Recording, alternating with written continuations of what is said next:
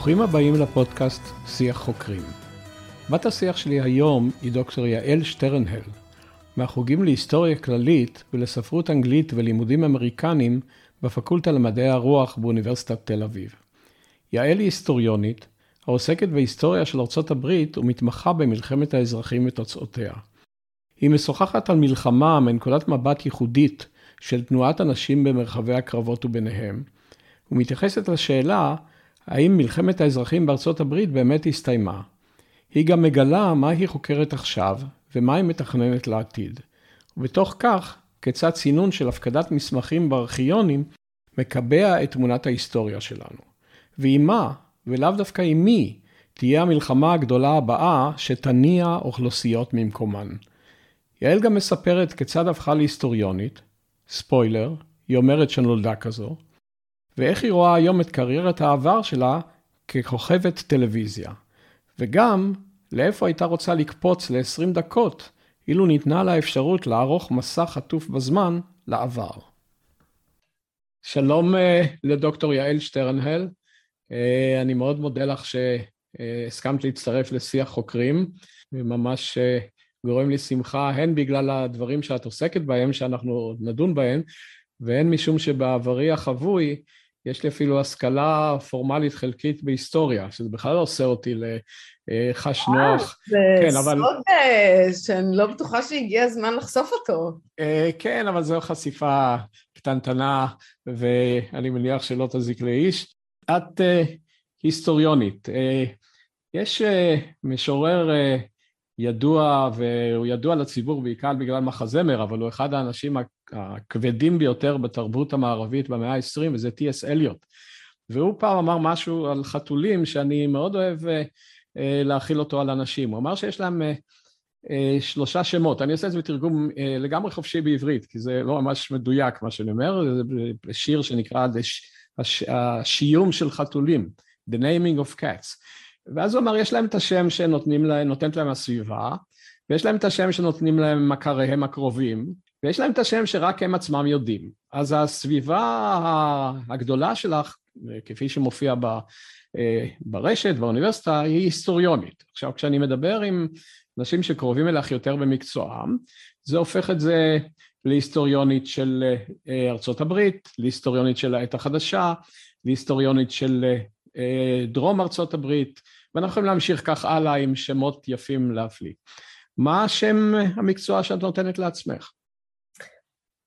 הוא משתנה לאורך השנים. אמ, אני חושבת שהיום אני מגדירה את עצמי כחוקרת של אה, מה שקראו The Long Civil War Era, עידן מלחמת האזרחים הארוך וההשלכות שלו. אמ, אני בשנים האחרונות כמעט לא עובדת יותר על הדרום, שהוא האהבה הראשונה שלי, ושאני מקווה עוד לחזור אה, אל, אליו אה, ברצינות גם כחוקרת, אני מלמדת אותו בהנאה גדולה, אבל אני, אני כבר לא חוקרת את הדרום בשנים האחרונות. שאגב, הסיור בו, הוא הביא את הרעיון לספר הראשון, שעוד נדבר עליו. בהחלט. אז, אז באמת יש לי, יש לי איזה חיבור עמוק עם, עם האזור הזה, שיש לו, אני חושבת, רבדים פסיכולוגיים שונים. אה, אבל אני, אני, צריך לומר את האמת, אני די התרחקתי ממנו, ואת העשר שנים האחרונות שלי הקדשתי לפרויקט שיש בו גם אלמנט דרומי, אבל אה, רובו בעצם אה, כבר, כבר לא עוסק בדרום. לפני שניגש לפרויקט הנוכחי, שאני מבין שאת גם כותבת עליו ספר, אני מרשה לעצמי לומר איך אני הייתי מכנה אותך מהסביבה היותר רחוקה. קודם כל, בשבילי את היסטוריונית של תרבות. מה שאותי אפילו יותר מושך, שאני אה, חושב שאת חוקרת התנהגות של אוכלוסיות.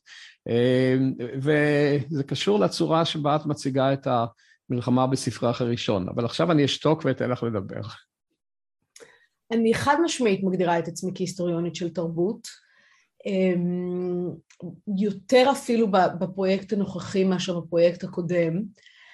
ובפרויקט הקודם, כן, אני חקרתי התנהגות של אוכלוסיות, אף פעם לא חשבתי על זה ככה, וזה אף פעם אף אחד אחר לא הציג את העבודה שלי במונח הזה, אבל אני חושבת שזה אה, מונח מצוין למעשה, ואני אה, אגנוב אותו ברשותך, אה, כדי לתאר את העבודה שלי עצמי.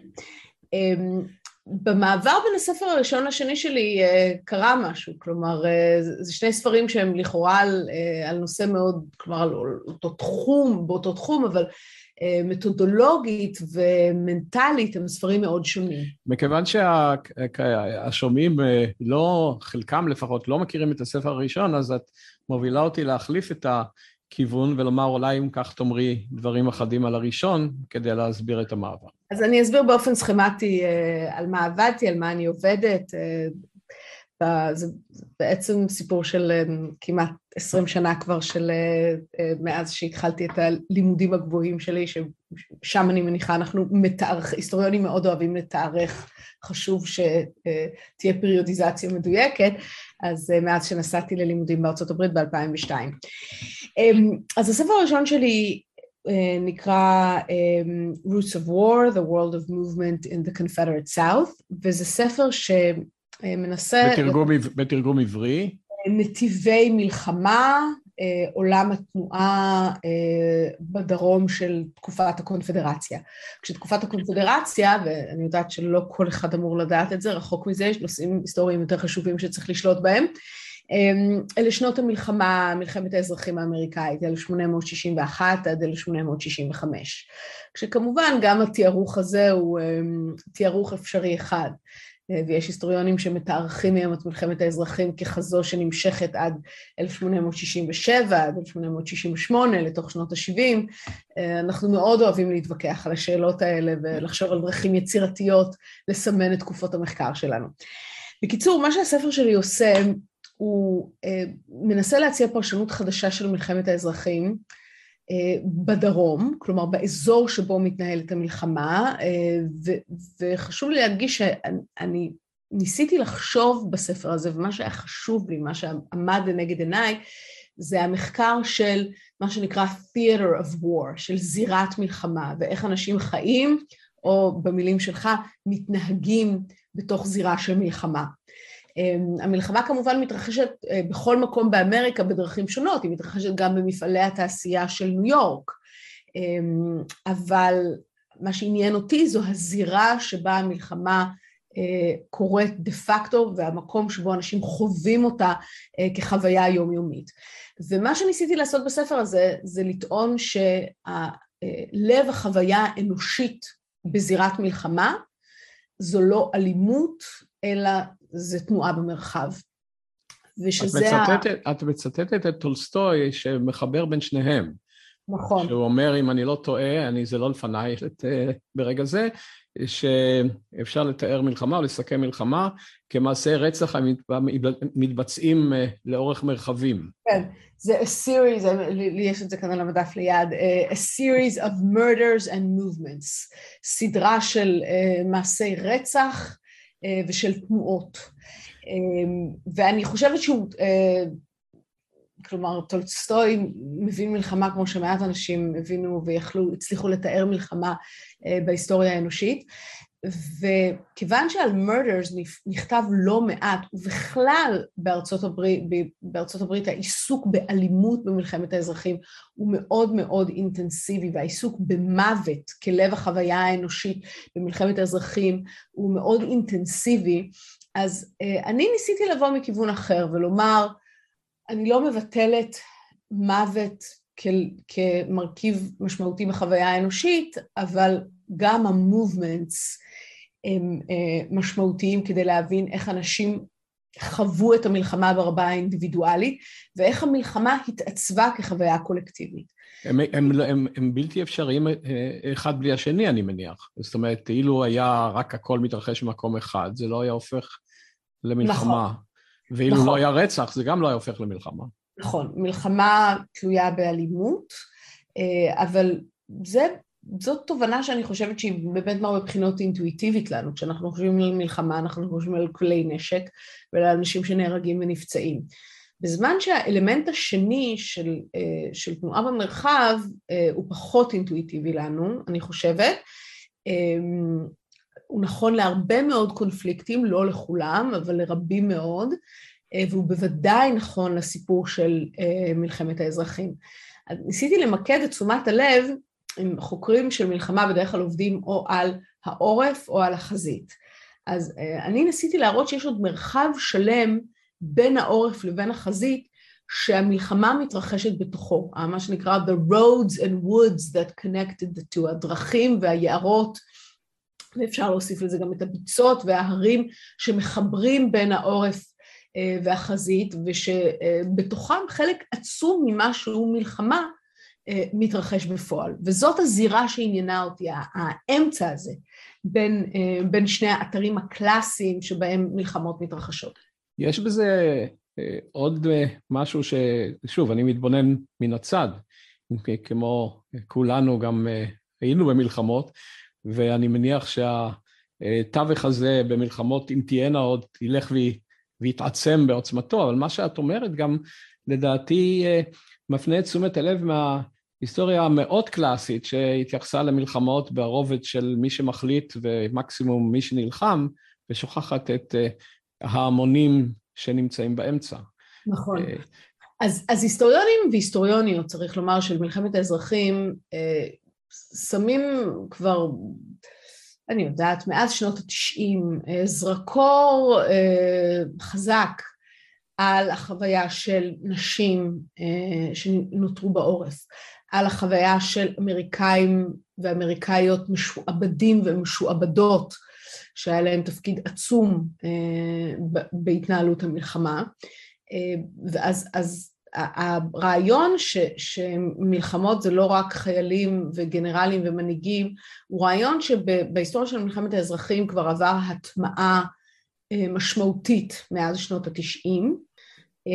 אני חושבת שמה שאני ניסיתי למקד עליו את, את הזרקור הקטן שלי, זה, החייל, זה חיילים ואזרחים או חיילים ואזרחיות ביחד כשהם נמצאים בתוך חוויית התנועה. אז למשל מבחינתי נורא משמעותי, גם גברים, גם נשים, שעומדים בצידי הדרך ומסתכלים כן. על הצבאות עוברים.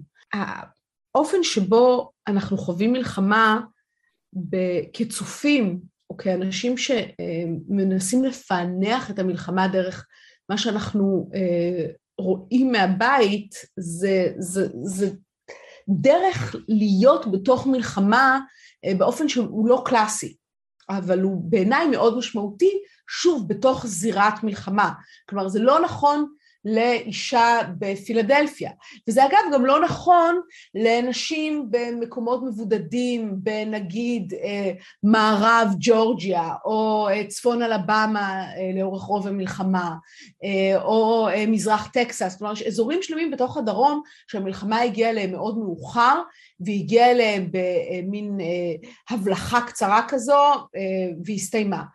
אבל במקומות שבהם המלחמה הייתה חוויה יומיומית ונוכחת, האינטראקציה הזאת בין אנשים שנעים במרחב לבין אנשים שצופים בהם, והאינטגרציה בין, אה, אה, אה, בין תנועה מסוגים שונים, תנועה של חיילים, תנועה של עריקים, תנועה של פליטים, היא, היא מאוד משמעותית בעיניי ולא אינטואיטיבית להיסטוריונים שחושבים על מלחמות.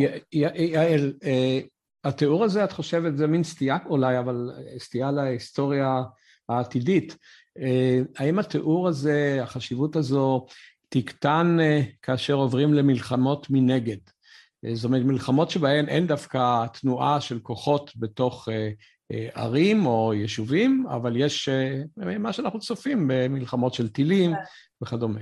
האם זה יישאר אותו דבר? כי התצפית נשארת אותו דבר. אנחנו יושבים בבית ורואים מה קורה סביב.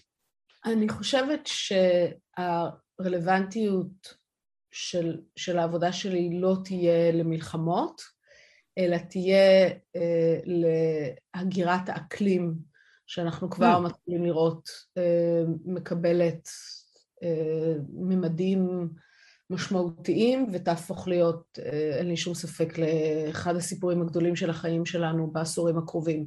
קרוב לוודאי מה שתרם גם לא, לאירועים בסוריה לפני שנים אחדות. נכון. אמ, שוב, נורא קשה לדמיין איך ייראו מלחמות, כי גם את מלחמת האזרחים בסוריה לא יכולנו לדמיין, בטח לא מקבלת את הנופח כן. הברברי והברוטלי שהיא קיבלה. אז יהיו מלחמות שתהיה, שיהיה בהן מרכיב גדול של פליטות ושיהיו חילות רגלים שינועו על הקרקע, אין לי ספק בזה. אבל כמו שאתה אומר, מלחמות גם בעולם שהוא הולך ונעשה יותר ויותר טכנולוגי, יש להן צורה אחרת. ולכן אני חושבת שהתנועה במרחב, שתהיה כבר בקנה מידה גלובלי ושתבשר את הקטסטרופה הבאה בחיינו, תהיה התנועה שתגיע בעקבות משברי אקלים שילכו ויחריפו. זאת אומרת, מלחמה שהאויב בה הוא הטבע, אם כי אנחנו התערבנו או מתערבים בחייו. איך, איך את עוברת מזה למה שאת עושה עכשיו, ואולי תתארי מעט מה הנושא עכשיו. אוקיי, okay, אז uh, כשעבדתי על הספר הראשון, uh, אחד מסוגי התנועה במרחב ששמתי לב אליהם uh, ושעניינו אותי, הייתה uh, בריחה של ממשלות. כלומר... אה, חבל שזה לא קורה יותר. כן. אה, זה, יש כל מיני דברים במלחמת האזרחים ש, שאתה שומע אמריקאים מייחלים להם. למשל שמדינות פשוט יקומו ויעזבו את ארצות הברית ויתראו אותנו מנוכחותם. אה, אז, אז בגדול, אחד הדברים באמת היותר ססגוניים, אם אפשר לקרוא לזה ככה, שמתרחשים במהלך המלחמה, זה שממשלות, גם ברמה המדינתית, ובארצות הברית, ותמיד צריך לזכור את זה, יש המון ממשלות. כלומר, בארצות הברית אנחנו רגילים לחשוב רק על הממשלה הפדרלית, כמי שמסתכלים על המדינה הזו מבחוץ, אבל מי שחי בתוך ארצות הברית חי גם עם אה, ממשל מדינתי שהוא גורם מאוד משמעותי אה, בחיים של האזרחים. ו... הממשלות האלו אה, בורחות, למשל ממשלת המדינה של טנסי, כשצבא הצפון אה, מגיע לטנסי, פשוט לוקחת את הדברים ובורחת. מה אגב? זה הדברים? לאן אגב? אה, היא בורחת דרומה. היא זאת אומרת, היא, היא נעלמת, היא, או שהיא היא עוד תשוב בהמשך הסאגה? היא, היא עולה על רכבת ונעלמת, היא, היא לא תצליח לשוב, כלומר טנסי תהפוך להיות שטח כבוש, שטח כבוש. כן. אז... זו החלטת ממשלה? זאת אומרת, הם מקבלים החלטה, אנחנו עוזבים? כן. הם, הם, התפיסה היא שכל דבר עדיף על פני אה, הישארות במקום, כשצבא הצפון מגיע ומצליח לכבוש את הטריטוריה ולהחזיק בה, והשאלה של מה יקרה למושל המדינה שהוא בוגד, לחברי הסנאט ובית הנבחרים המדינתי שהם בוגדים, לשרים בקבינט שהם בוגדים, מעדיפים לקום וללכת. ומה זה לקום וללכת? זה אומר לעלות על רכבת. מה יש על הרכבת? יש עליה את הזהב, פיזית, כלומר את מטילי הזהב שהם אוצר המדינה, ו... ואת הארכיון. וככה התחלתי לחשוב על מה זה ארכיון שבורחים איתו. ולמה לברוח עם הארכיון? כלומר, מה מניע אותם כשהם לוקחים את הזמן ומשקיעים את האנרגיה בלהעמיס את הארכיון המדינתי על הרכבת, כשהם מנסים להימלט מאימת אה, חיל הפרשים הצפוני, שהיא אגב אימה מוגזמת, כי צריך לומר שחיל הפרשים הצפוני עשה מעט מאוד למושלי מדינות, זאת בסך הכל מלחמה אה, שבטח ברמה של ההנהגות שלה אה, נהגה זו בזו די בעדינות.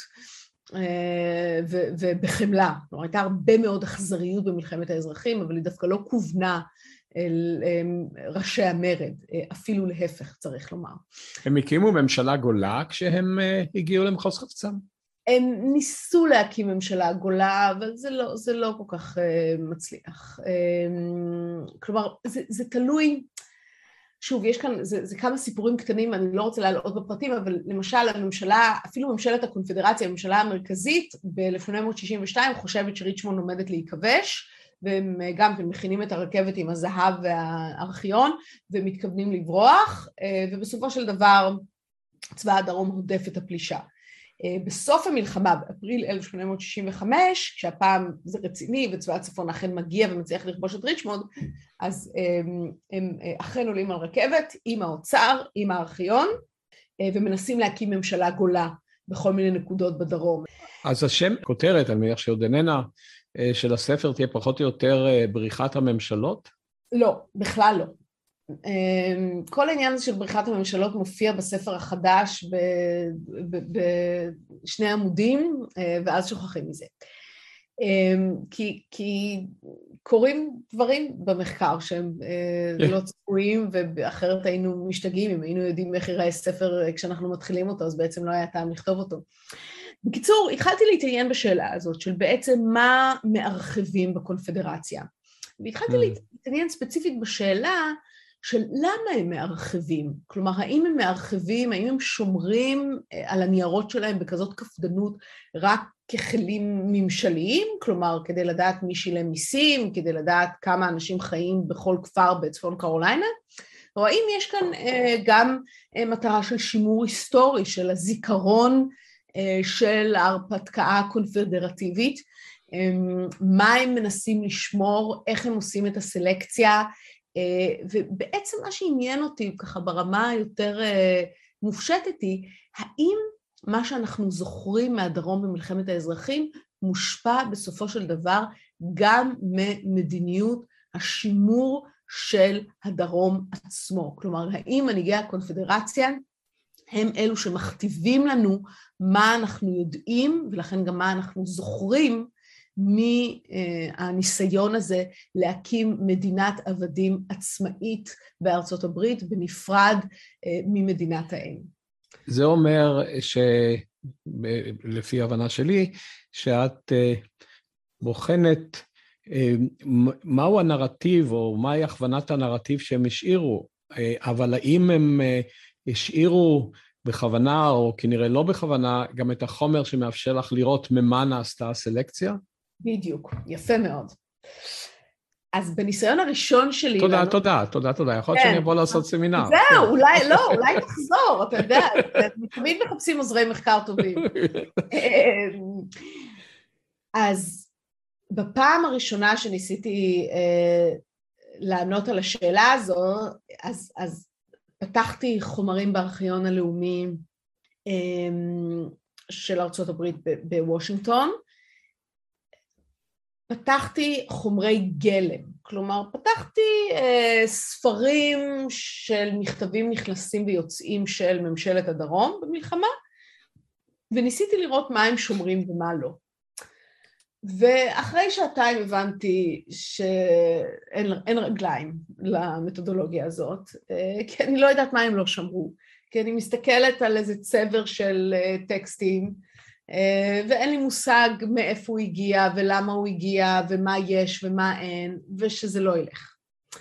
אז נטשתי את, ה, את, את, את הכיוון המחקרי הלא יעיל הזה, וחזרתי מאמרים מאוד ישנים שנכתבו בשנות ה-30 וה-40 של המאה ה-20 על ידי אה, ארכיונאי בארכיון הלאומי, שבתקופה שבה לא היינו כל כך אה, professionalized, אז ארכיונאי יכל לכתוב גם מאמרים היסטוריים, מה שהיום כמובן אה, לא ממש קורה וחבל.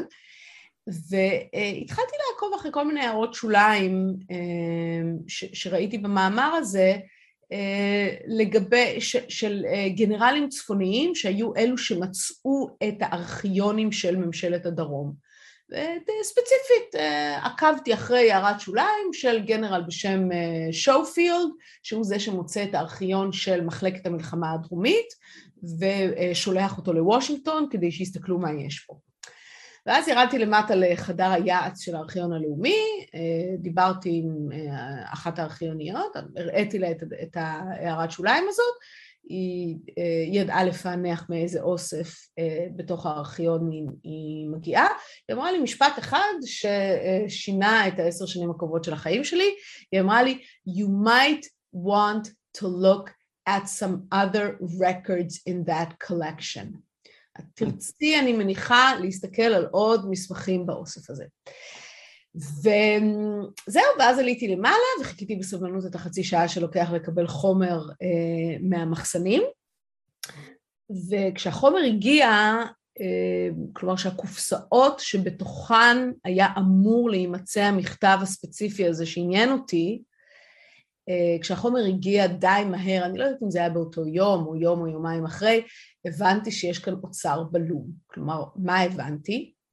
שהממשלה הפדרלית המנצחת במלחמת האזרחים פתחה ארכיון של החומרים שאותם היא איתרה בשטחי הדרום הכבוש, שמרה אותם, מינה אותם, ובסופו של דבר פרסמה חלקים גדולים מהם. זאת אומרת, זה הנרטיב שהדרום ניסה להסתיר? זה חומר הגלם הארכיוני הדרומי, שיש בו הכל מכל וכול, אה, דברים מעניינים מאוד, דברים משעממים מאוד. אבל בטרם עבר איזושהי פילטרציה על ידי הדרום. בדיוק. לא עבר, זה, זה, זה חומר גלם ש, שנתפס כשהדרום אה, אה, לא עשה עליו עבודה של סלקציה ושימור בעצמו. ואז מוקד העניין שלי עבר בהדרגה, אבל לקח לי הרבה זמן להשלים עם זה, של, שלשם אני הולכת כהיסטוריונית, מוקד העניין שלי עבר בכלל אל הממשלה הפדרלית, ואל האופן שבו היא מטפלת במסמכים של הדרום. בעצם מוקד המחקר שלי עבר לארכיון של הארכיון.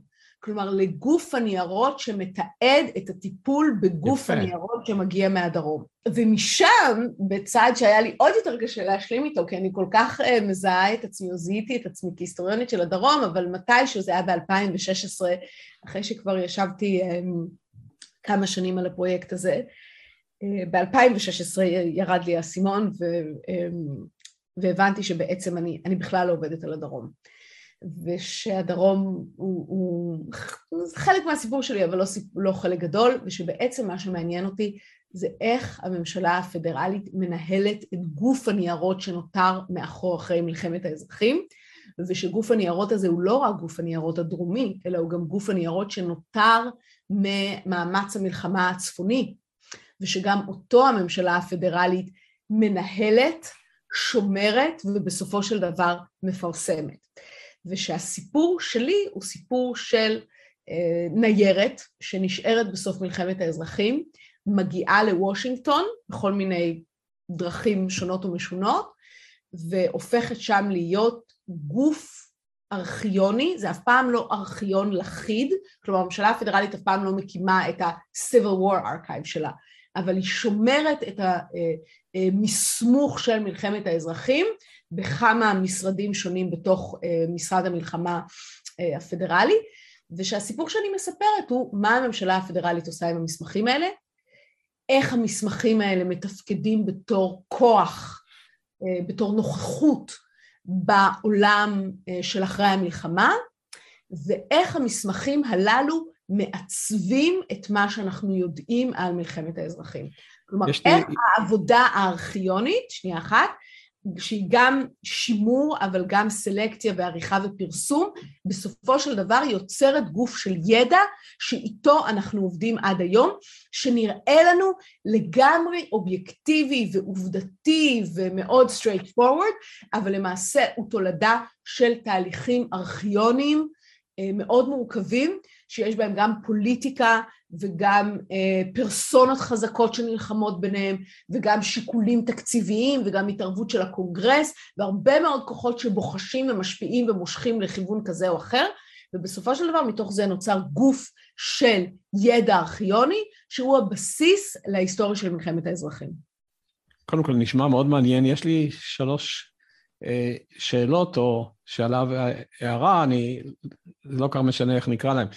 אחת, האם בתהליך הזה של, אה, נקרא לו לצורך העניין שלנו סינון, זה לא אה, הגדרה מדויקת, אה, האם התהליך הזה הוא פסיבי, או שיש גם תהליכים שהם מה שנקרא, גם בהיסטוריה וגם בחקר זיכרון קלאסי, דמנציו ממוריה, זאת אומרת שאנחנו בכוונה מוחקים זיכרון, כמו שעשו הפרעונים בזמנו לאחד מהם, כמו שעשו הרומאים, שהיו מוחקים בכוונה זכר.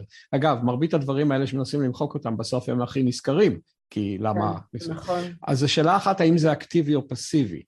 אמ, שאלה שנייה, שהיא מין הערה, בכל מה שאמרת קודם לכן, הייתה אה, תשומת לב רבה לתנועה, לקינטיקה, לתזוזה, ופה את עוברת לעסוק בחומרים שהם אה, סטטיים, אה, אם כי אני מניח שהם משדרים תנועה. והערה שלישית, אה, מנקודת מבט של זיכרון, זו, זיכרון אישי או זיכרון קולקטיבי, זו אחת הדרכים שבהם נוצר false memory, זאת אומרת שנעשית איזושהי סלקציה, הרבה פעמים לא מודעת, לפעמים מודעת, ובסוף מה שנשאר לנו היום, אנחנו חושבים שזה מה שהיה.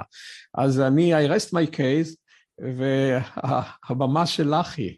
אוקיי, okay, שאלות נהדרות. קודם כל לגבי הקינטיקה. עברתי לעבוד על, מ, מ, כלומר עשיתי, עשיתי כמה מעבר, מעברים שהיו לי לא, לא טריוויאליים בתור היסטוריונית, גם מאוכלוסייה מאוד מעורבבת אה, של גברים, של נשים, של עבדים, של אנשים חופשיים או אנשים באמצע הדרך בין אה, שיעבוד לחירות. אמ, עברתי לעבוד על האנשים באמת הכי משעממים שיש, על פקידים פדרליים, כמעט רק גברים, אין לי בכלל נשים בספר. אה, גברים, לבנים, אה, אה, הרבה עורכי דין, הרבה בירוקרטים צבאיים, שלישים, אני עכשיו היסטוריונית של שלישים, זה, זה מה שנהיה ממני. עברתי מלעבוד על האפיזודות באמת הכי מסעירות בהיסטוריה של ארה"ב, חלק גדול מהספר הראשון שלי מוקדש לשחרור העבדים כחוויה של תנועה במרחב, אה, ואני באמת עסקתי שם בקריסת העבדות שאין לו ולא היה אה, אירוע אה, מרתק מזה עבור היסטוריונית. עכשיו אני עוסקת בשלישים ובאופן שבו הם ממיינים ניירות. אין תנועה, אין בוץ, אין שלג, אין לכלוך, אין דרמה, יש שלישים שממיינים ניירות. אבל, אה, וזה אני רוצה לומר להגנתי, שהשלישים האלה שממיינים ניירות הם אה, טיפוסים מאוד מעניינים, ושתהליך מיון הניירות הוא כל כך חשוב לאיך שאנחנו תופסים את מלחמת האזרחים. כלומר, האימפקט של השלישים הללו על איך שאמריקאים מבינים את המלחמה, על איך שהיא נתפסת בזיכרון הקולקטיבי, אה, הוא פשוט דרמטי, ואלה אנשים שאף אחד לא יודע מי הם, שאין ביוגרפיות שלהם, אני כותבת פרקים שלמים בספר השני שלי בלי שום ספרות משנית, כי פשוט אין כלום. אה, אני ממש האדם הראשון שמתעניין בהם באופן אמיתי, אה, ו, אה, וזה כשלעצמו מאוד מסעיר, צריך לומר. עכשיו, לשאלות האחרות, וכמובן הזיכרון שלי is, is failing me. מה הייתה הראשונה? אה, את אה, מעמידה במבחן את הזיכרון שלי, לי יש את היתרון שיש פה נייר ורשמתי כן, עליו אה, דברים. אחת, אני שאלתי לגבי מחיקה אקטיבית, שזהו תהליך שבעיקר פוליטיקאים ניסו לעשות אותו עוד מששת ימי בראשית, או קצת אחר כך. זאת אומרת שאנחנו אומרים, לא רק שאנחנו נזיז את זה הצידה, אנחנו מתחת לקר ונקווה שלא ימצאו, אלא אנחנו גם נעשה ככל יכולתנו כדי למחוק. זה, אגב, זה שונה לגמרי מאשר uh, תמח, למחות את שם עמלק, כי שם אתה מתבקש לזכור שצריך למחות, אלא פשוט נעלים את כל המידע. אז האם את מוצאת לזה עדות? זאת אומרת שהיו דברים שאמרו, תשמע, זה צריך לעשות משהו אקטיבי כדי להעלים אותם. התשובה היא כן. אה, אחד הדברים שאני מראה הוא ש... לקצינים במלחמה הייתה השפעה מאוד משמעותית על העבודה שהמלחמה, שהממשלה הפדרלית עשתה עם הניירת שלהם, ושניתנה להם הרבה מאוד חירות אה, לתת לממשלה לשמור דברים שהם רוצים ולהחזיק בבית דברים שהם לא רוצים. אה, ואני מראה את האופן שבו קצינים ניסו לערוך מסמכים שלהם מתקופת המלחמה אה, ולשלוח לממשלה עבור הארכיון, גם הארכיון הפיזי וגם הארכיון שבסופו של דבר אחר כך מתפרסם כסדרה של ספרים, אמ, ניסו לשלוח גרסאות ערוכות אמ, שכמובן משנות את, את האופן שבו הם משתקפים במסמכים האלה. אני טוענת איזושהי טענה שהיא כנראה תהיה הפרויקט הבא שלי, שהז'אנר אה, אה, שקרוי Battle Report, הדוח שמפקד כותב אחרי קרב, שנתפס על ידי היסטוריונים בתור מקור מאוד אמין, אה, הוא כשלעצמו אה, מקור סופר בעייתי, כי אה, קצינים הרבה פעמים כותבים את הדוחות שלהם שבועות וחודשים אחרי האירועים שנידונים בהם, כשכבר ברור לגמרי מה הייתה המשמעות שלהם. והם מסדרים את המציאות באופן שתואם כמובן את הדרך הטובה ביותר שבה הם רוצים להיזכר. אז אני מראה הרבה מאוד דרכים שבהן אנשים שהיו מעורבים במלחמה ושהיה להם אינטרס אישי מובהק באיך שהיא תיזכר, אה, לוקחים חלק בעבודה הארכיונית. עכשיו, אני, זה בדיוק החלק שאני כותבת עכשיו, אני מסיימת את, אה, את הפרק שעוסק בזה אה, בקטע קצר מתוך ספר שנכתב על מלחמת העולם הראשונה, על, על מפקד הכוחות הבריטים במלחמת העולם הראשונה, הגנרל הייג, שהוא והממשלה הבריטית אחרי המלחמה עשו עבודה של מחיקה אקטיבית מונומנטלית בהיקף ובעומק שלה, ופשוט מנעו בכוח מהיסטוריונים להבין באמת מה בריטניה עשתה במלחמה, אילו טעויות, אילו פאשלות, כמה אה, אה, אה, אה, מוות והרס לחינם, דרך ה-falsification, אה, כלומר, כן. מירוק הארכיון. ובמלחמת האזרחים אני לא רואה משהו בסדר גודל הזה, צריך לומר. אין מחיקה אקטיבית בסדר גודל הזה, אבל יש מחיקות ויש התערבות ויש הרבה פחות עובדות אובייקטיביות ממה שנדמה, והרבה יותר תמרונים של העובדות באופן שיתאים אה, למי שקשור אליהם. את ענית למעשה, או הגבת לשלושת הדברים שהעליתי, כי הנושאים של מעבר מתנועה לסטטיות, אה, ראיתי את העצב אשר בליבך אה, לרגל המעבר לעסוק בשלישים. אני חושב שדווקא החומרים האלה יכולים להפיק מרגליות, אני חושב שאת רואה את זה. אה, דברים אדירים במדע, אגב, ובאים ממין דברים מונדיינים, שאנחנו אומרים, או, לא שמים לזה לב, גם בתחומים אחרים לגמרי. אני יכול להביא לך דוגמאות מביולוגיה מולקולרית, אבל לא ניכנס לזה, שהמהפכה של היום נבעה מדברים שנראו לחלק מנותני הגרנטים כמשעממים כל כך, שהם לא רואים אפילו למענקים קטנים. הנושא הזיכרון כזיכרון מוטעה, למעשה את, את עונה, אנחנו כמו בחיי הפרט, גם בחיי החברה וגם בחייו של היסטוריון, כדאי תמיד שנדע שמה שאנחנו חושבים שאנחנו זוכרים הוא הרבה פעמים לא מה שהיה. אגב, בזיכרון אנושי וגם בזיכרון אה, תרבותי, אה, אם חוזרים על דבר הרבה פעמים, הוא הולך ומשתנה עם החזרה. אז אה, כאן היופי אולי הוא בזה שאת נכנסת למקום שאחרים לא היו בו. אה, אז כך שזה לא איזה חזרה על דברים שכבר אה, דנו בהם ולכן משנים אותם קצת. אה, יש לי שאלה, פתאום קפצה לי בראש תוך כדי השיחה. מלחמת האזרחים הסתיימה? במובנים מסוימים כן, ובמובנים מסוימים לא. השאלות היסודיות שעמדו בבסיסה של המלחמה איתנו עד היום. השאלה של למי אמריקה שייכת, האם אמריקה היא ארצו של האדם הלבן אה, וכל אחד אחר הוא אורח בה, או אזרח סוג ב', או האם אמריקה היא מדינה רב תרבותית, רב גזעית, אה, שלכולם אה, יש בה את אותו מקום ואת אותן זכויות אה, ואת ה... לא רק את אותן זכויות פורמליות, אלא את, אותו, את אותה בעלות על, על, ההזדמנות, על ההזדמנויות שאמריקה יכולה להציע. השאלה הזאת, שבסופו של דבר עליה נסובה המלחמה, היא איתנו עד היום. ומהרבה בחינות עליה נסובו הבחירות של 2016, אולי עליה נסובות כל בחירות. Uh, ולכן אמריקה עשתה כברת דרך אדירה בפתרון המתח הבאמת בלתי נסבל הזה בין מצד אחד האידיאלים שעומדים בבסיסה ושמופיעים בהכרזת העצמאות שלה, שהיא באמת טקסט קלאסי ויפהפה שנתן השראה לדורות על דורות אה, של אקטיביסטים ומהפכנים ואנשים שרוצים ליצור עולם טוב וצודק יותר. אה, אבל יש מתח אה, בלתי נסבל בין האידיאלים הללו לבין המציאות האמריקאית כפי שחווים אותה מיליונים על מיליונים של יצירת סוגים שונים של אזרחות וסימון קבוצת, קבוצות אוכלוסייה מסוימות כמי שאינן ראויות אה, לאותן זכויות אה, אה, כשל הרוב הלבן. כשצריך לומר, האינן ראויות לאותן זכויות משתנה, אני לא טוענת, ויש מי שטוען את זה, אני לא טוענת את זה, שאנחנו נמצאים היום איפה שעמדנו ב-1860. אין שום דבר שדומה לעבדות האמריקאית. שעבוד וחירות הם שני מצבים שונים באופן רדיקלי, ועם כל המצוקה האדירה של אוכלוסיות אפריקאיות אמריקאיות היום, הן אינן משועבדות.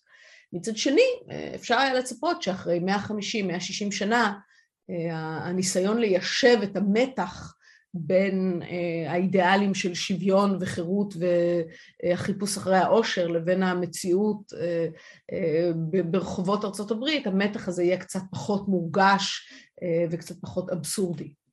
יעל, את היסטוריונית, אני מבקש להקדיש דקות ספורות להיסטוריה של ההיסטוריונית.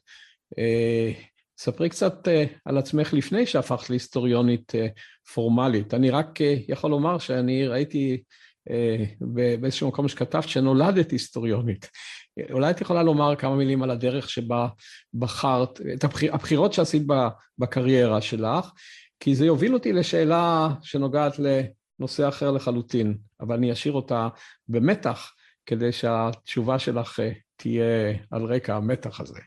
אמ, אני, טוב, אני, אני סיפור די משעמם אה, בסך הכל, כי אני אמ, עשיתי מהרבה בחינות את, כמעט את מה שהיה צפוי ממני.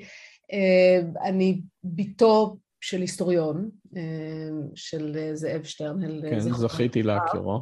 אמ, ואני גדלתי בתוך בית שהיסטוריה הייתה מאוד משמעותית בו משתי בחינות.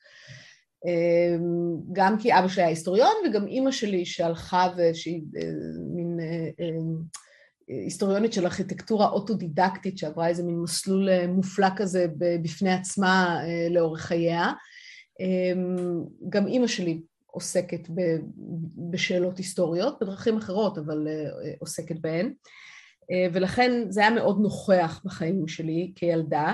והדבר השני שהיה מאוד נוכח אמ, זה ההיסטוריה הפרטית אה, של המשפחה שלי, וספציפית ההיסטוריה של אבא שלי, אה, שלא הייתה גורם אה, בילדות שלי באופן שבו בני דור שני אחרים מתארים את זה של בית קודר וקשה והורים מסוגרים ועצורים ושלא מסוגלים להביע רגש וכולי וכולי. אבא שלי היה אדם מלא רגש, אהב אותי והריץ אותי ונתן לי אה, ביטחון ועוגן אמ, ללא גבול, אבל הידיעה שבעברו של אבא שלי מסתתר סוד אפל שהוא אה, נגזרת של אירוע היסטורי אמ, אדיר ממדים, הייתה משהו שגדלתי איתו ושאני לא זוכרת את עצמי אי פעם לא חושבת עליו.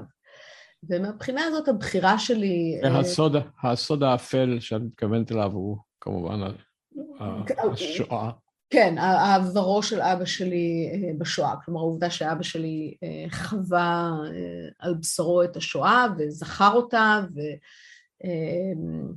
ושהמשפחה שלו נספתה בשואה ושהוא ניצל על ידי הדודים שלו שלקחו אותו אחרי שההורים שלו אה, הלכו, כמו שהוא היה קורא לזה. אמ, אז, אז איכשהו זה, זה, זה היה תמיד, באמת, למרות שבחיי היום-יום, אם, אם היית עכשיו, אם היינו עושים עכשיו אה, מסע במנהרת הזמן לארוחת צהריים אה, בבית הוריי בשנות ה-80, לא היה דבר רחוק מזה מעיסוק בשואה, אבל עבורי זה תמיד היה נוכח שם. אמ, ודווקא בגלל שאבא שלי לא אהב לדבר על זה, וגם ניסה להגן עלינו מפני הזיכרונות, אבל גם ניסה להגן על עצמו, אני חושבת, מפני ההצפה שהייתה מגיעה, לו היה מרשה לעצמו לעסוק בזה, אמ, דווקא בגלל שזה היה איזה מין אה, תיבה שחורה כזאת חתומה, אז uh, הייתה לי משיכה אדירה לזה, ו- ומאז שאני זוכרת את עצמי, זה היה הדבר שלי, זה היה המקצוע שהייתי הכי טובה בו בבית ספר, אה, זה היה הדבר שהכי אהבתי ללמוד, אה, זה מי שהייתי. וזה היה עבורי מאוד טבעי אה, ללכת ללמוד היסטוריה ו- ולרצות להמשיך ללמוד את זה, כל עוד מישהו יסכים לשלם לי. את uh, מתארת uh, תמונות שהיו עוגן uh, מדי פעם לפנייתך להיסטוריה המשפחתית, תמונות מעטות של המשפחה. כן. בתקופה ההיא, אני יודע את זה ממני, אני אמנם מבוגר ממך בהרבה, אבל זה בסך הכל הולך אחורה לאותה תקופה שבה נעלמו מש... כל, כל המשפחות, ואני שייך לדור שלא ראה מעודו את הסבא והסבתא, ואפילו לא ראה תמונות של חלק מהם. היום אנחנו במצב שבו העולם מוצף בחומר ויזואלי, בתמונות, ללא הרף. את מכירה את זה מעצמך, את, אנחנו מכירים את זה כולנו. האם את חושבת שהערך של תמונות כאלה הולך ופוחת עם, עם הזמן? זאת אומרת, משום שהיו מעטות הן עוגן לזיכרון, ומשום שהן רבות, אז בעתיד לא כל כך ישימו לב אליהן? אני, אין לי, אין לי ספק שזה נכון. אמ, אני, אני רואה את עצמי, אני חושבת שכולנו חווים את זה, יש כל כך הרבה תמונות, אני, אני בכלל לא מסתכלת על דברים שצילמתי, אפילו אה, נגיד לידת אה, בתי הבכורה ב-2017 הייתה אירוע די מונומנטלי אה, בפני עצמו, הייתי בת 40, כמעט 41, ונולדה לי ילדה, והחיים שלי פתאום השתנו לגמרי. אמ, וצילמנו, והייתי בטוחה שאני תמיד אסתכל על התמונות האלה, ואני בכלל לא מסתכלת עליהן, אני מסתכלת עליה כשהיא מתרוצצת בסלון וצועקת עליי. מצד אחד, כל העולם הוא, הוא ויזואלי, כלומר אין, אין, אין, אין שום דבר חוץ מהוויזואליה, ומצד שני זה הפך להיות כל כך לא אה, חשוב יותר, אה, הרגע הזה שבו מצלמים תמונה.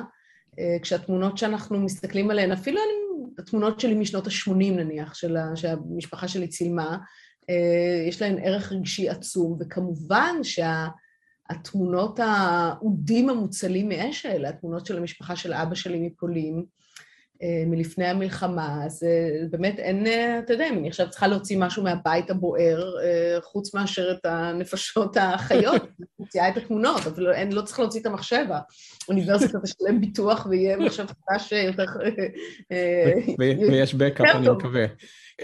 יעל, בשלב מסוים בחייך היית כוכבת בשידור, במדיה. את הגשת תוכניות, היית מראיינת מעולה, היית מגישה, אני לא יודע מה המינוח המקצועי לנושאים הללו. בשבילי היית אה, אה, דמות אה, טלוויזיונית חשובה, ואני מניח לדורות שלמים. האם הדבר הזה נבע מעניין שגילית במקצוע אחר, או האם ראית באיזושהי צורה, אולי אפילו הצדקת את הדבר, אם כי לא היית צריכה להצדיק אותו, אה, עיתונאי כמין היסטוריון של עכשיו, כמו שברודל אמר, או שכך זה היה? תראה, זה... היום אני חושבת על זה ככה, והיום כשאני מדברת על הזיקה בין היסטוריה ועיתונות, אז אני מדברת על האופן שבו עיתונאים והיסטור... והיסטוריונים שואלים את שאלות מאוד דומות, ושהרבה מהכלים שהיסטוריון טוב צריך אה, דומים לכלים שעיתונאי אה, טוב צריך, אה, כשאולי בראש הרשימה הזו אה, עומדת הספקנות, שצריכה להיות action item number one, גם להיסטוריונים וגם לעיתונאים.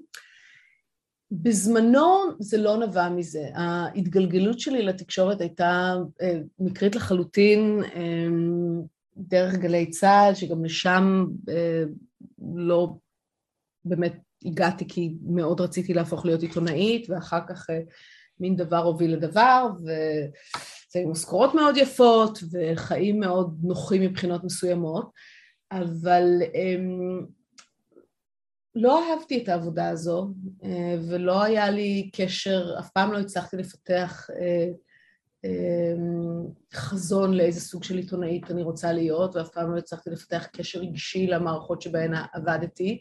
אה, זה תמיד היה אה, בעיניי תחנת מעבר אה, לדבר האמיתי. אמ, ו- וכך זה נשאר. עזבתי את זה כשהייתי בת 26, זו עבודה שעשיתי במשך כמה שנים כשהייתי מאוד צעירה, ו- ולא נשאר מזה הרבה עבורי. אני, אני מניחה שזה נתן לי איזה סוג של ביטחון ומין אמונה ביכולת שלי לעשות דברים שהועילה לי לאורך השנים, אבל זו לא הייתה חוויה מהנה או מספקת, אה, ואני מאוד שמחתי כשזה הסתיים. כן, אה, אני אחלוק איתך משהו אישי, גם אני, יש לי עבר עיתונאי אה, מקצועי, מעולם לא חשבתי, הייתי בזמנו עורך חדשות בידיעות אחרונות בגיל 17. כמה סוגיות הייתי הכתב הקרבי, הצבאי הראשי של עיתון במחנה, ו, ומה שמעניין הוא שמעולם לא מצאתי, יש ריגוש במקצוע, אבל אה, במיוחד אם את אה, בתקופות אה, מרתקות, ובארץ יש הרבה כאלה, מצד שני מעולם לא מצאתי בו את העומק שהיה נותן לי את הסיפוק הרגשי שנותן מחקר באקדמיה, אבל אני בסך הכל צריך לשאול אותך עלייך, ותוך כדי זה מגלה דברים דומים. אני, אני מאוד מזדהה עם זה. אמ, כן, זה מרגש, אבל זה גם מאוד רעיל, צריך לומר, אה, וטלוויזיה זה רעיל במיוחד. אמ, וזה נתן לי מעט מאוד סיפוק. אני גם מוכרחה לומר שאני חושבת שנפשית אני פשוט לא בנויה לזה, כי, כי אני... אמ, תמיד אה, זו בדיחה לאנשים שאומרים, אה, כשתבוא לרעיון עבודה וישאלו אותך מה התכונות הרעות שלך, תגיד פרפקציוניזם.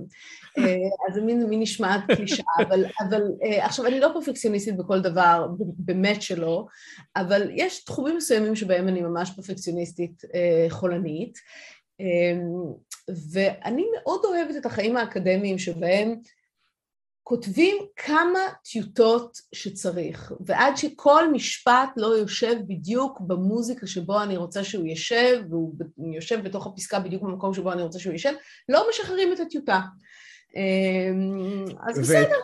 וכל זה, כל זה יעל תוך ידיעה שבכל חומר שאנחנו עוסקים, כולל אגב גם במדעי הטבע, אנחנו צריכים אה, גם בטיוטה האחרונה להבין שיש false אה, memory, false perception, false וכדומה, ואנחנו מעכלים את זה. יש כל כך הרבה, אני, אני לא יודעת אם גם מדעני טבע מרגישים ככה, אבל לפחות אנשי מדעי הרוח יכולים להגיע למצב שהם פשוט מתעבים את הספר שלהם. אמרתי לפני, בפעם האחרונה שהייתי בכנס אה, בעולם הישן בנובמבר 2019, אז אמרתי לאיזה קולגה שלי שיושב באוניברסיטי בג'ורג'ה, שהוא מבוגר ממני בכמה שנים, אמרתי לו, אני, אני ממש מלאת שנאה על הספר הראשון שלי.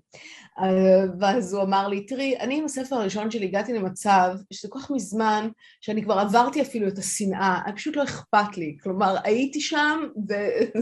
אני עדיין ממליץ, עדיין ממליץ למאזינים, מי שמקשיב לנו, אה, לקרוא את הספר הזה. אה, אנחנו מתקרבים לקראת סיום, יעל, ויש לי שתי שאלות. אחת מהן תשובתה תהיה כנראה ארוכה טיפה יותר, אה, אבל שנייה אני חושב שתשובתה תהיה קצרה ואולי אה, לכן אני שומר אותה כהפתעה. הראשונה היא, בסדר, עוד כך וכך זמן את תשלחי את הטיוטה האחרונה של הספר הנוכחי שאת כותבת, ולא תתעבי אותו לפחות במשך שנים אחדות, אני מאחל לך שלא תתעבי אותו אוקיי. לעולם. ומה יהיה הפרויקט הבא? אז um, כרגע יש שני, שני דברים, שני כיוונים שהם בעצם עולים מתוך הספר הזה שמעניין אותי להיכנס אליהם, והראשון uh, זה אותו Battle Report שכבר הזכרתי, כשהמחשבה שלי היא uh, לעשות uh, עבודה שיהיה בה גם מרכיב של מה לעשות, של Digital Humanities, גם שונאת מספרים כמוני אה, מתישהו אה, נכנעת, כי באמת יש כלים פשוט פנטסטיים שעומדים היום לרשותנו, שזה שיגעון לא לנצל. זה מזכיר לי שאלה שלא שאלתי, אבל לא אני עוד אספיק להכניס אותה, כן. אז אה, אני רוצה לעבוד על, על, על, על גוף הידע הזה של ה-Battle Reports, של הדוחות שמפקדים כותבים אחרי קרבות, ואני חושבת שאני רוצה לעשות איזה אה, סוג של בעצם היסטוריה ספרותית שלו, כלומר של אה, לחשוב על זה כז'אנר של כתיבה שעומד בפני עצמו, שנמצא בזיקה הדוקה לכתיבה עיתונאית, אמ, לכתיבה ספרותית, אה, אולי אפילו למשל לדוחות משטרה, אמ, ולחשוב על, על המסמך הלכאורה מאוד יבש וצבאי הזה אה, כסוגה ספרותית אה, שראוי לחשוב עליה ושהיא נמצאת בדיאלוג אה, משמעותי עם סוגים אחרים של כתיבה בעולם שצריך לומר, העולם הזה של אמצע המאה ה-19 הוא עולם של כתיבה וקריאה. זה הרגע שבו כן. עיתונות כתבי עת נמצאים בפריחה אדירה שאנחנו רואים עכשיו את סופה, אבל שבו, זה הרגע שבו היא מתחילה. אז זה נושא אחד, והכיוון השני שאני חושבת עליו, כלומר פרויקט אחר שאני לא יודעת מה יצא ממנו, אני רוצה לחקור אסון שמתרחש בוושינגטון ב-1893, אה, שבו שלוש קומות של אה, בניין שבו ממיינים אה, ניירת של הממשלה הפדרלית קורס ו-23 פועלים נהרגים, לא פועלים, סליחה, 23 פקידים נהרגים ומאות אנשים מפסטעים והוא הופך להיות איזה סוג של סמל לאופן שבו המודרניזציה של שנות התשעים של המאה ה-19 ממש אוכלת את יושביה. וזה אה, מעניין אותי לחשוב על זה, כי אני חושבת שמהרבה בחינות אנחנו חווים היום אה, חוויות שהן די דומות לחוויות אה, שאנשים במערב, בין אם זה בארצות הברית או באירופה, חוו בעשור האחרון של המאה ה-19, כשהחיים השתנו לחלוטין. אני תמיד היה לי איזה, הייתה לי משיכה אדירה לעשורים האלה של שנות ה-80 וה-90 של המאה ה-19, למעבר המאה בין המאה ה-19 ל-20, כשמגיע חשמל ומגיעות המכוניות אמ, והרדיו והקולנוע אה, ואחריו הטלפון והמכונית אה, והחיים כמו שאנשים חיו אותם במשך אלפי שנים אמ, משתנים אה, בתוך דור אחד לחלוטין וזה שינוי שאנחנו חווים אותו עכשיו שוב בימינו עם המעבר לעולם דיגיטלי ולכן הרעיון לשאול איך מודרנה אוכלת את יושביה הוא רעיון שמעניין אותי לשאול גם בזיקה לעולם שבו אנחנו חיים היום. אה, מה שאמרת עכשיו הוא מתייחס לשאלה שכמעט שכחתי. כשאני מסתכל על כתבי העת היסטוריים, או למעשה היום יותר בכתבי עת כלליים, אני רואה יותר ויותר ניסיונות אה, לקחת אה, ולנסות, לקחת המון דאטה ולנסות לחלץ מהם מה שאנחנו קוראים principal component analysis, זאת אומרת, בלי שאת מראש יודעת מה הגורם המשפיע על השונות בהתנהגות של אה, הדאטה, אה, לנסות לחלץ את זה מתוכו. יש אפילו פרויקט היסטורי גדול שנקרא סשט, נדמה לי, אה, שאוסף נתונים מכל העולם בכל מיני צורות ומנסה לחלץ מהם דברים שהובילו לאירועים היסטוריים. אני מבין מהתגובה שלך שזה לא הכיוון שאת כהיסטוריונית חווה בו התרגשות. Um, לא, אני רוצה להיכנס ל-Digital Humanities, אני חושבת שח, שחייבים. אני גם לא רוצה להיות כמו האנשים האלה בסוף המאה ה-19, שכשמגיעה מכונת הכתיבה, מבכים את מותה של הקליגרפיה וטוענים שזה סוף הידע האנושי. Hmm. אה, אני, אני בדיוק בגיל הזה שבו אני יכולה או להישאר מאחור, אה, או להתקדם קדימה, ואני רוצה להתקדם קדימה. אבל אני חושבת שיש אה, גבול למה שביג דאטה יכול ללמד אותנו, ושבסופו של דבר בשביל להבין את החוויה האנושית על המורכבות האינסופית שלה, אה, צריך ללמוד בני אדם לא רק דרך הנתונים היבשים, אלא דרך העולם הפנימי שלהם, גם כאינדיבידואלים וגם דרך העולם הפנימי של חברה. אז למעשה הובלת אותי לשאלה האחרונה. אה, כהיסטוריונית, במיוחד שהיסטוריונית שעוסקת בשלהי המאה ה-19, אה, אה, נניח תחילת המאה ה-20, אה, את עוסקת בתחומים שבהם האנשים שעשו את ההיסטוריה אינם איתנו עוד. והשאלה שהיא כמעט שאלה עיתונאית, היא בעצם שאלה עיתונאית. אילו הייתה לך הזדמנות לבחור להיפגש עם מי מהם, מי היית בוחרת? אני רואה את יעל שטרנל שואלת את השאלה הזו בטלוויזיה, ואני מבקש לא להתחרות בך, אבל או אולי אני אחליף אותה, אתן לך אלטרנטיבה, באיזה מקום היית רוצה להיות 10-20 דקות ולראות את ההתרחשויות באמת? אוקיי, okay, תראה, כרגע, היום, uh, um, אני הייתי רוצה לפגוש את הארכיונאים שלי במשרד המלחמה ולשאול אותם כמה שאלות שהם לא השאירו לגביהן uh, עדויות בכתב. יש לי אה, דברים מאוד דחופים לשאול את רוברט אן סקוט ואת פרד סי אינסוורת וכמה דמויות מונומנטליות כאלו בחיי. אז אה, כרגע זה, זה על ראש סדר היום שלי. אמ, אחרת כמובן הייתי מאוד שמחה לשבת עם אברהם לינקולן אמ, ושהוא יעתיר עליי מהאנושיות שלו והתבונה שלו וייתן לי תקווה שמנהיג פוליטי אה, יכול להיות אדם גדול שעושה דברים גדולים. אה, ועשר עשרים דקות, אני מניחה שבכל זאת הייתי רוצה לראות את... אה, הייתי רוצה לראות את שחרור העבדים. הייתי רוצה לנחות במטע שהרגע אה, צבא ארצות הברית יצא ממנו והודיע שהעבדות איננה חוקית יותר בארצות הברית ושכל מי שנמצא במטע הזה הוא אדם חופשי והייתי רוצה להיות שם ולהסתכל על איך זה נראה. יעל, אני אסיר תודה על שיחה מרתקת. תודה, תודה. כיף גדול, תודה רבה לך.